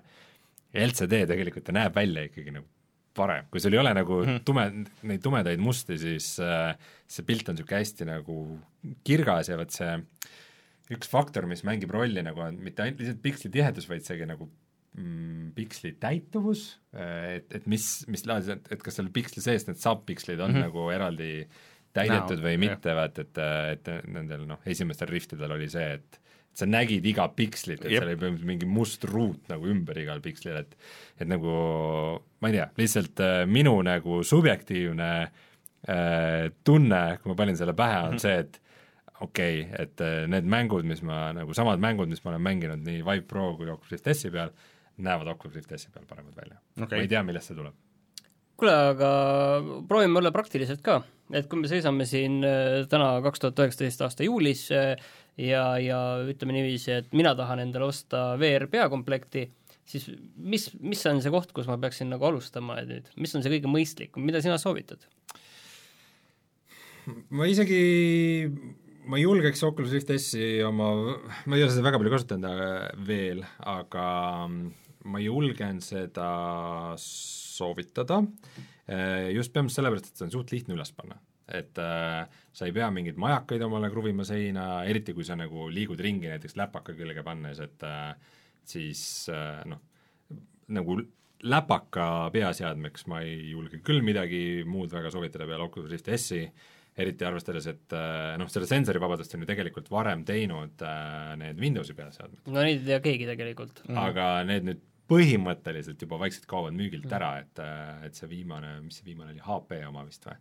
mis äh, sai veidi rohkem tähelepanu, aga aga see, kui hea nende nagu tarkvaraline tugi tulevikus on ja kõik see, et see on niisugune Nad on niisugused nišikad, et ma väga ei, ma väga ei panustaks nende peale või ma ei julge panustada. HTC tuleb see aasta ka tegelikult sensorivaba peaseade välja nimega Vive Cosmos. Aga, aga Valve Index on noh, kindlasti nagu high-end, ta maksab kõvasti rohkem, sul on vaja äh, majakaid, äh, selle setup ja kõik see on noh, no mitte, mitte, nüüd keeruline, aga just, just majakate ülespanek no Valve Index ilmselt ei ole selline entry leveli asi, on ju, et ma nüüd äh, tahan seda kogemust saada. ta on ikka, ta on ikka entusiasti mm -hmm. peaseade jah, et see on kindel, et äh, nagu natuke tundub, et Oculus Rift S võiks olla äh, nagu niisugune kõige rohkem niisugune nagu igaühele soovitatav asi, kui ei oleks ühte fakti. nii, ega need ometi ei ole mängud? ei, sest et sa saad kõiki neid Steam'i mänge ka täiesti vabalt mängida kokku Rift S-iga. aga? see faktor on äh, üks väike slaider, mis on sealt puudu. nimelt äh, see LCD on põhimõtteliselt üks ekraan. et kui sinu silmade vahe on nagu äh, ei vasta Aaria standardi koljule, et siis, kui sul on silmad veidi, nagu veidi kitsamalt koos või veidi laiemad, ehk siis sinu pupillide vaheline distants ei ole mingi kuuskümmend neli millimeetrit või mis iganes see, mis iganes see on sellel Oculus Rift S-il, siis, siis sul ei ole hea kogemus. et äh, nad sobivad ainult, äh, ainult õige silmade vahe no ühesõnaga, mõõdulid kätte, mõõtke ära ja kui sobib, siis ostke äh, Oculus Rift S. jah, et kui see välja arvata, siis, siis ma ei tea, mul esimene emotsioon selle peaseadmega on küll nagu äh, väga-väga äge ja ma kavatsen selle peal mängida siis äh, Tetris efekti, äh, proovisin näiteks, mis minu jaoks tegelikult on üks kõige ägedam VR demo, mis nagu kohe proovida, on Subnautica. sest et kuigi mm. Subnautica see funktsionaalsus on kohutav, siis ta näeb väga-väga ilus lihtsalt välja seal, seal eriti see algusala, mis on niisugune hästi niisugune niisugused äh, mõnusad äh, värvilised korallid mm -hmm. ja kalad on ümberringi ja seal vee all ja kõike värki ja siis on väga mõnus ja siis äh, oma elukaaslasele andsin ka proovida ja siis ta läks, ujus veidi kaugemale siis tuli mingi hiigelsuur, kõige, kõige rõvedam elukas ja sõi ta ära ja siis äh, rohkem ei tahtnud proovida? draa-, draamat kui palju sellest, ma pole kunagi näinud seda elukat nii lähedal nagu baasile. aga, aga igatahes see nägi väga ilus välja ja ma tahaks mängida ka Fisherman's Tale on üks asi, mis mul on siiamaani ära proovimata, tükk aega listis olnud. Ühesõnaga, hetkel tundub ja. nagu muidu väärt, sinu silmad vastavad ma olen väga positiivselt meelestatud jah, et et noh, see, see ametlik USA hind on jah, siis nelisada dollarit, et Eesti poodidest on ilmselt natuke kallim äh,, pakun, et kuskil seal viiesaja ligi. et noh, selles mõttes see tundub natukene natukene tüng, et kui sa paned ta kõrvuti Oculus Questiga mm, -hmm. siis ta on nagu täpselt sama hinnaga, aga Oculus Questis on ju arvuti ka seal sees, ma ei tea, et see no, ei ole ainult peaseade aga noh, tõde on ilmselt see, et äh, Facebook maksab rämedalt peale, et seda Oculus Questi hinda nagu all hoida oh,. Okay. et, äh, et tegelikult ähm, Oculus Rift S on siis nagu, nagu selle hinnaga, nagu nad päriselt umbes olema peaks mm, -hmm. peaseade. no jaa, ootan Lenovo toodab muidu neid oot,. ootan huviga seda, kuidas siis on see Tetris efekt selle peal. ma ka. aga ma ei tea, mis me veel mänginud oleme ma, ma ei tea, ma, mul aa, sa rääkisid, et sa mängisid äh, There Billionsit ju äh, korra. jaa, mul on see tükk aega olnud listis, äh, There Billions on siis mm, mäng, mis eelmise aasta alguses sai juba popiks ka Early Access'i äh, reaalaja strateegiamäng mm, -hmm. kus sul kaitsed oma küla lõputu zombide hordi eest ähm, ja meil on video. Meil on video sellest olemas meie YouTube'i kanalil.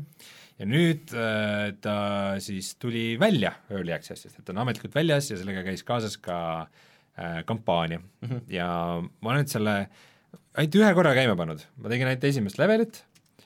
Äh,, see läks niimoodi, et äh, läks kõik väga hästi, see oli ilgelt lihtne, see level äh, võtsin nagu selle nii-öelda tavalise raskusastme ehk siis saja protsendi peal raskusastme, et seal on mm -hmm.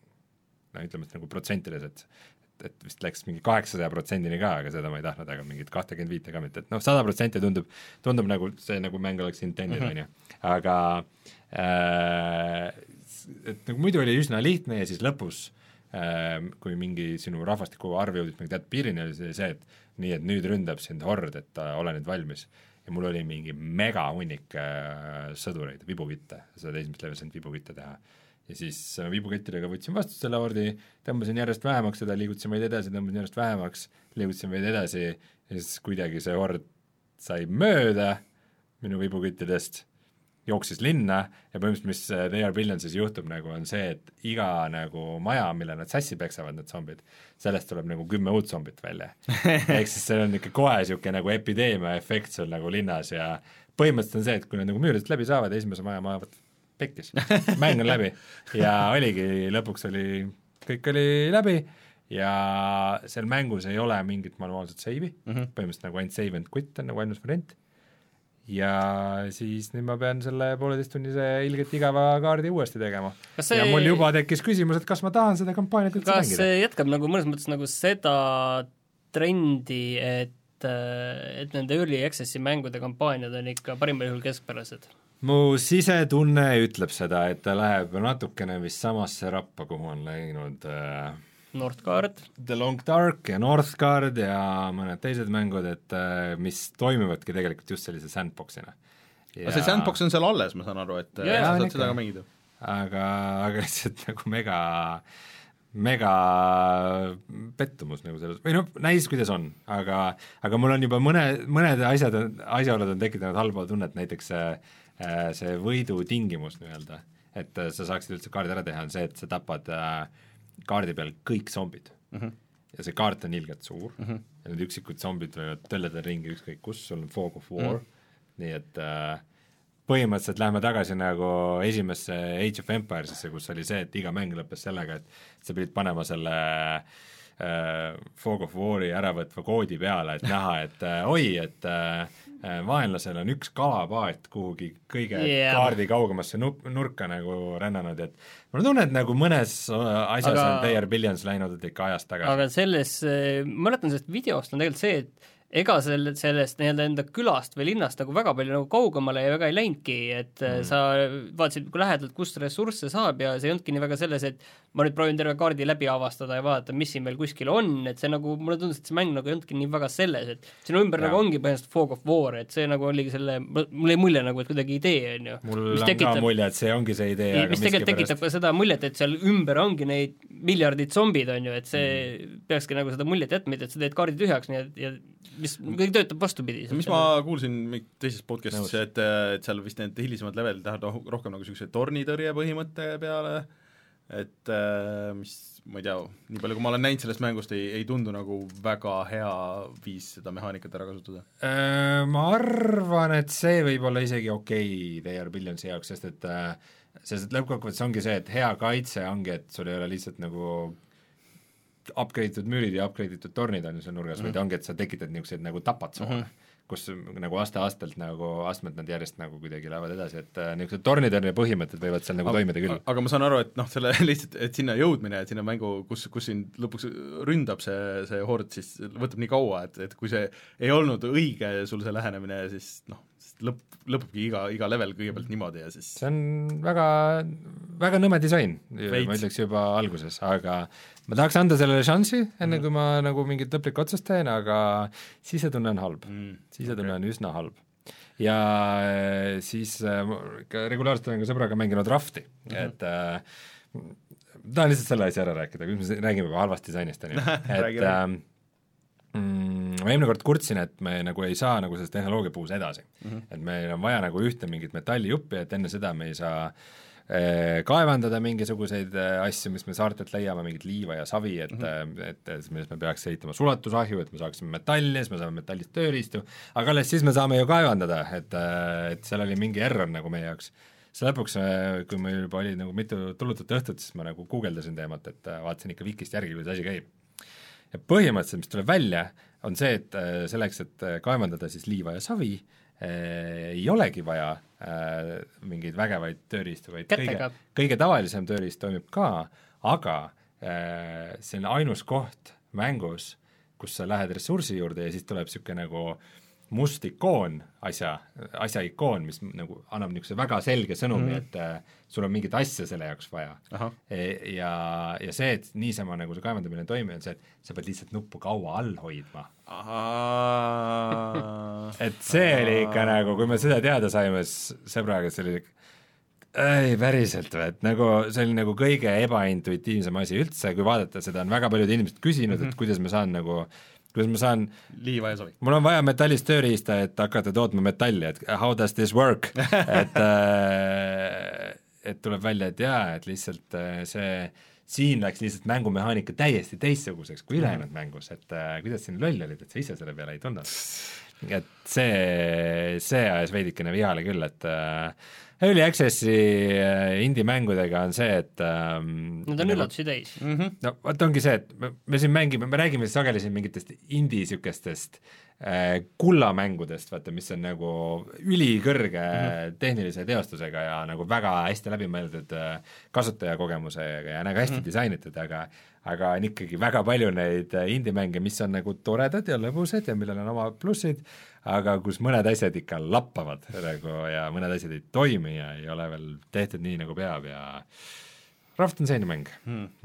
Üldjoontes see on lõbus, meie parv on kasvanud väga suureks, ühes, parve ühes otsas on mingi niisugune, niisugune debiilne monstrum trepp, mis on selle tõttu, et vahepeal me jõuame nagu saarteni ja siis nende saarte otsas on sageli mingi mingi varandus, mis on ka imelik mehaanika ja siis äh, üks üritab kuidagi tüürida seda parve ja siis teine on seal otsas ja üritab mingit hüpet teha ja see hüppamine selles mängus ka sakib ja ma ei tea. No ma ei, ma ei tea, Rein, selle jutu peale ma ootan videot, kus, kus see on selline mäng, mis on, mis on sõbraga lõbus. Mm, -hmm. aga, aga ta on ikkagi natukene, ta on ikka niisugune early access'i indie mäng okay., äh, aga mina olen äh, valmis teinud äh, Super Mario Maker kahe selle taseme, mis seda ei, ei ole. ma tahtsin just öelda, miks ma ei ole. ma olin jumalast, ma olin selle, juba selle põhiraja, noh, ma tükk aega mõtlesin, kuidas ma üldse nagu teen seda, lahendan ja siis mõtlesin mingeid lolluseid välja sinna ja kuidas seda teha, aga kuidas ikka oleks mängitav ja et see kõik oleks ikka läbitav ja kõik see, ehitasin selle põhimõtteliselt valmis, ma läksin maale, võtsin Switchi kaasa ja siis äh, mingi hetk tuli jutuks, mul vennalapsed olid ka seal, et äh, tead, ei, muidugi võite võtta. ja siis ju, kui ma jõudsin öelda, oot, mul jäi see seal seivi, ai, ma juba olen oma kontoks ah,, ehk siis äh, mingi kaks pool tundi äh, mu level ehitamist kõik läks metsa. sa ei salvestanud hakkasin... siis ära või jooksvalt, sa ei salvestanud seda või? ei salvestanud seda viimast versiooni, sest et noh, ma olin äh, kuskil bussis ja või rongis ja siis äh, noh, tuled maha, paned nagu kiiresti kinni e,. Siis ma hakkasin uuesti ehitama seda ja siis mul muidugi tulid mingid uued ideed nagu sinna, et kuidas seda teha ja kõike seda, et, et noh, see tundub, et sellega läheb natuke aega veel, aga aga tuleb väga loll level ja raske. Äh, aga muidu ma olen äh, siin-seal olen paari nagu teiste levelit ka mänginud ja, ja kõik see töötab ikka jätkuvalt, inimesed teevad ikka hullusi, need videod ka nagu paar tükki, mis siin, üks, mis see viimase aja viral on, et et seda ma mõtlesin, et need tule ja, ja, ja, ja, et, et seda peaks proovima lihtsalt nagu põhimõtteliselt. Ja et noh, nagu ma eelmine kord rääkisin, siis äh, kuna on näha, et inimesed on väga palju seda esimest mänginud ja mõned tüübid ju siiamaani mängivad seda esimest väga palju, siis äh, see tasemete ehitamise äh, tase on nii palju kõrgem. Ja mm. see on, see on tuus. Ja siis olen äh, kõrvalt seda of Fire'oliga mänginud, et ma nüüd tegin selle jah, et mis seal videos oli, selle, selle bossi tegin ära ja nüüd on jäänud nagu üks boss ja see, aga see, see jäälevel oli ikka väga raske ma ikka pidin väga mitu korda seda proovima ja seda oma nagu loadout'i sättima, et kuidas äh, seda läheneda ja ja kuna on jäälevel, siis sa libised vahest ja seal on äh, noh, sa ei ole, Rein, seda videot näinud ja keegi ei ole seda videot näinud, kohe varsti näete, siis äh, Äh, siis sa libised, on ju, ja siis sul on hästi palju vastaseid, võib tulla korraga ja kuigi mul päris palju elusid juba, äh, siis siis no läheb mingi paar sekundit ja ma jään kõigest sellest ilma ja olen surnud ja leveli algusesse tagasi ja, ja noh, nii edasi.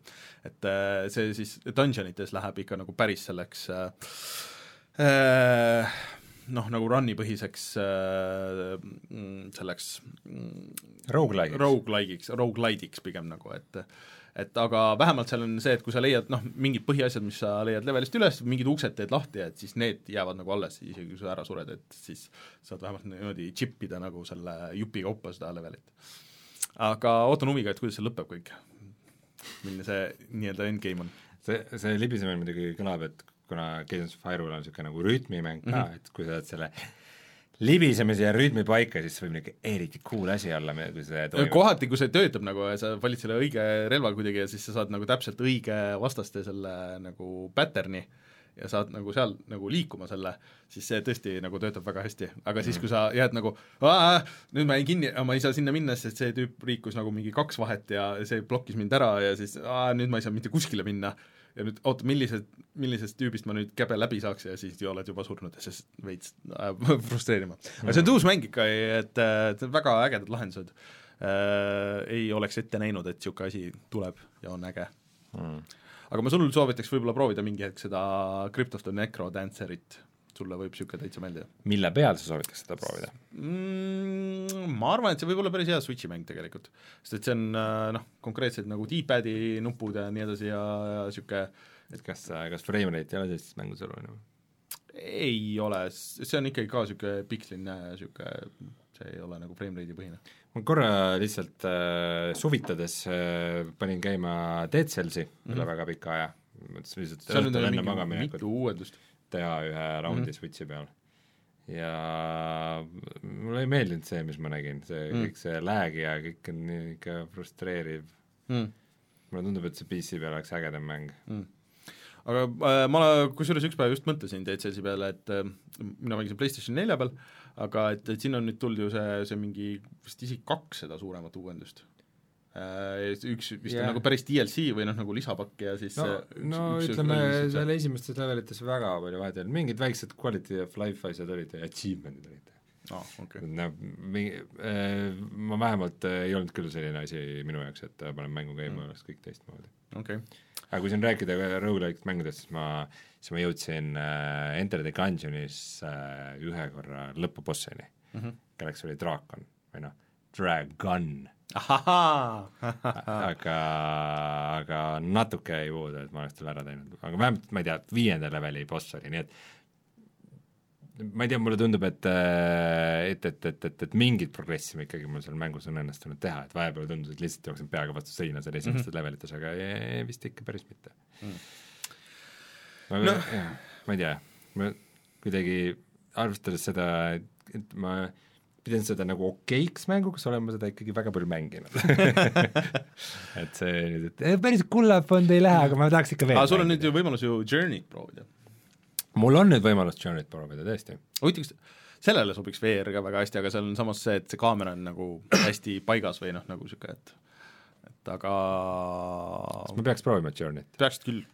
praegu, praegu on, praegu on, kui on palju mängijaid, siis on äh, noh, Mm. ta on suhteliselt värske ja sul on võimalus teistega koos mängida, sest see on nagu see nagu point seal. see, see oli muidu nagu oli naljakas see, et äh, mm, PC Gamer tegi siis nüüd ar-, arvustuse Heavy Rainist mis okei okay., mis on nagu See lihtsalt tuli ka juba välja. nagu printsiibis kõlab nii naljakalt, et PC Gamer nüüd okay. arvustab, ma ei tea, mitu aastat hiljem, nagu seitse aastat hiljem äh, äh, Heavy Raini ja andsid mingi üsna kehva skoori, mingi kuuekümne, seitsmekümne kandis. kuuskümmend üheksa, ma näen. jah, et äh, et ongi, et ähm, no ega kui ta see, ega välja see story nüüd nii hea ei ole. kakskümmend eurot maksab see samas, see on ju nii hea hind ka ja et ma ei tea, ma kunagi, ma olin siis, elasin siis Taanis, et siis ma nagu vaatasin, kuidas mu sõber nagu mängib seda läbi enam-vähem algusest lõpuni.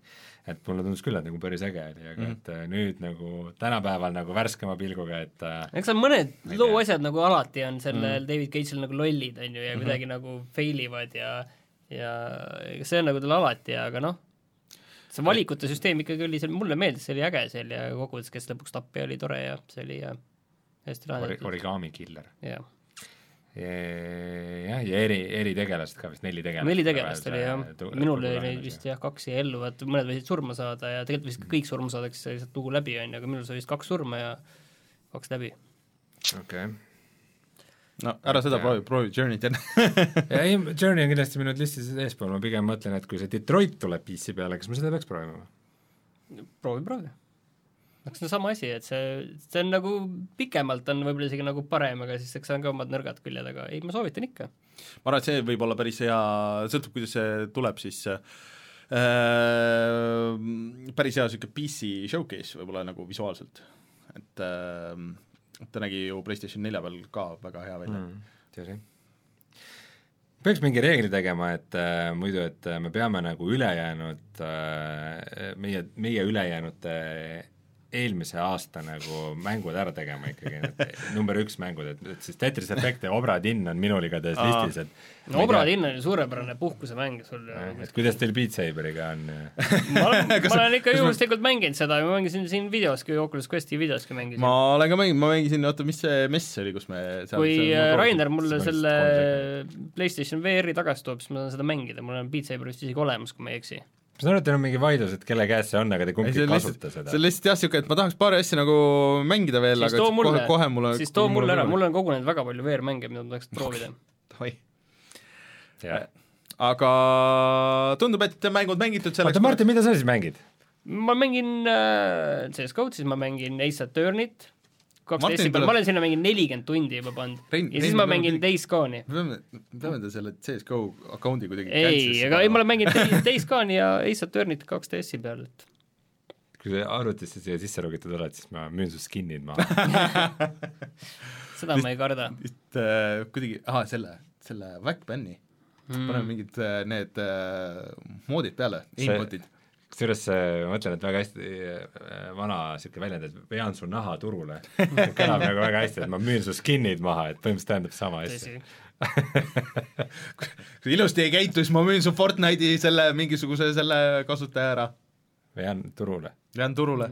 su naha, nahad. nahad. okei okay,, aga tuleme siis kohe tagasi ja vaatame, mis on internetis odav.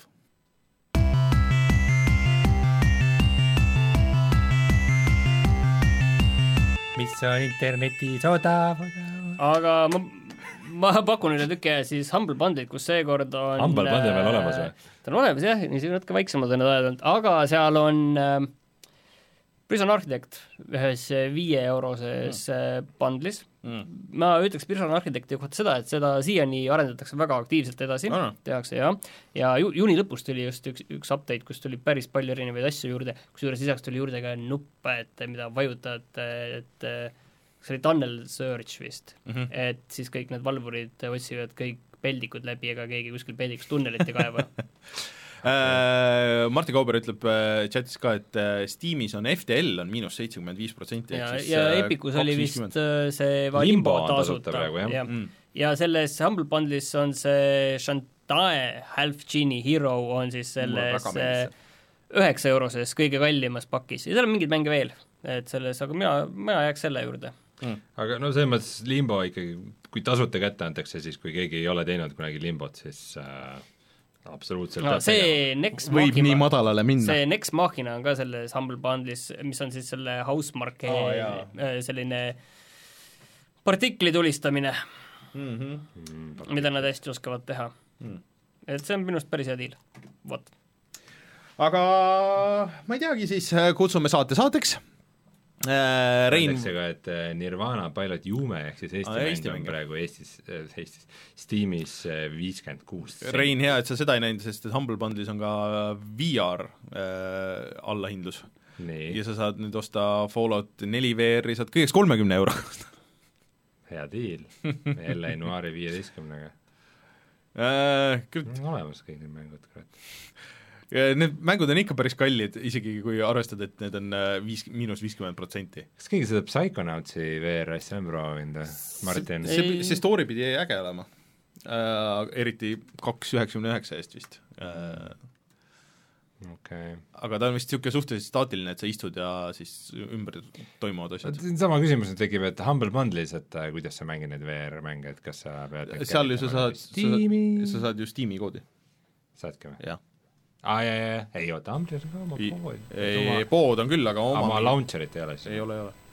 Steam'i koodid on, või siis vahest on Googi või PlayStationi koodid või mingid niisugused, et kui mingi teine asi, aa, Tiltbrush on mingis siin. Eesti kõige põnevamad podcastid on Delfis, kuula tasku.delfi.ee aga Äh, aga kutsume siis äh, saate saateks ikkagi ja siis äh, Rein, sa võid panna laivi meie video äh, Cadence of Hyrule'ist äh,, siis äh, on see olemas.